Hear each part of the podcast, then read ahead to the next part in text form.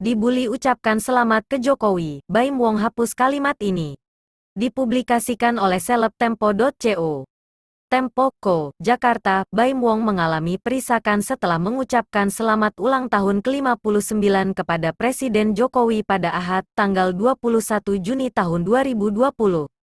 Ada netizen yang mengancam meng-unfollow dan unsubscribe kanal YouTube-nya. Mengetahui hal itu, ia mengedit kalimat yang diucapkannya. Semula, ia menuliskan kalimat seperti ini, untuk menyertai unggahan foto dia bersama Jokowi dan Iriana Widodo. Selamat ulang tahun Pak Jokowi.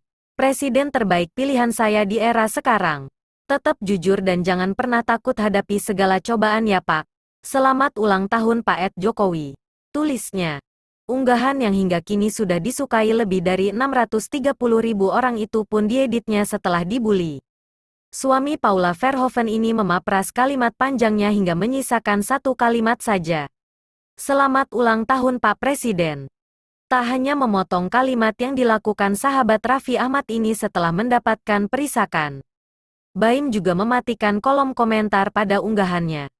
Perisakan yang dialami Baim ini pun jadi trending topik di Twitter hingga sekarang. Bahkan, kata Baim sempat merajai trending topik dari mulai dia menulis kalimat itu hingga ketika memendekkan ucapan selamat. Si Baim Wong mungkin seharian kemarin pegang kalkulator ngitungin subscriber yang hilang. Kan sekarang penghasilan yang andalin dari YouTube, cuitan at D4 tuk garis bawah T4 emburin.